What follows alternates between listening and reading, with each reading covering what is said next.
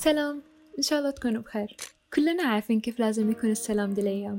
لا تصافحهم ولا يصافحوك. طبعا الكل يقول لكم اجلسوا في البيت. تحسبوا إنه بنقول لكم اخرجوا؟ لا كمان بنقول لكم اجلسوا في البيت. لأنه ده من مصلحتنا. وأكيد من مصلحة أطفالنا إنه ما نخرجهمش كمان. بس مش معناها نخليهم يملوا في البيت. دي أفضل فترة تكتشف فيها مواهبهم وتعلمهم. تلعبوا مع بعض. وحتى تتفرجوا مع بعض. جلستك بالبيت؟ تجنبك أكل الشارع. وبتاكل أكل بيت على كيف كيفك. بأي حال من الأحوال يدك ما تلمس وجهك لو ما كنت عادة غاسلها.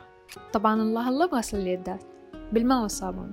بس بضمير لكن لا تتقاربوش كثير. حافظوا على مسافة بينكم أقلها متر حق حصن تقول لكم كثروا من فيتامين سي. معكم برتقال معكم ليم. ولدي منهم بقية الفواكه. خضروات خضرة كثير تدعم صحتك أكثر. زي ما اتفقنا السلام من بعيد.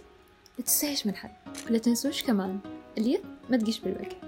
يدك يدك. خليك حريص إنك تحصل معلومات من مصادر موثوقة.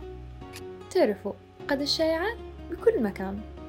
وبالأخير على قدر وعيك على قدر حفاظك على نفسك وحبايبك. لأن وعيك هو سلاحك. ربي يحفظكم جميعا من كل شر ومكروه.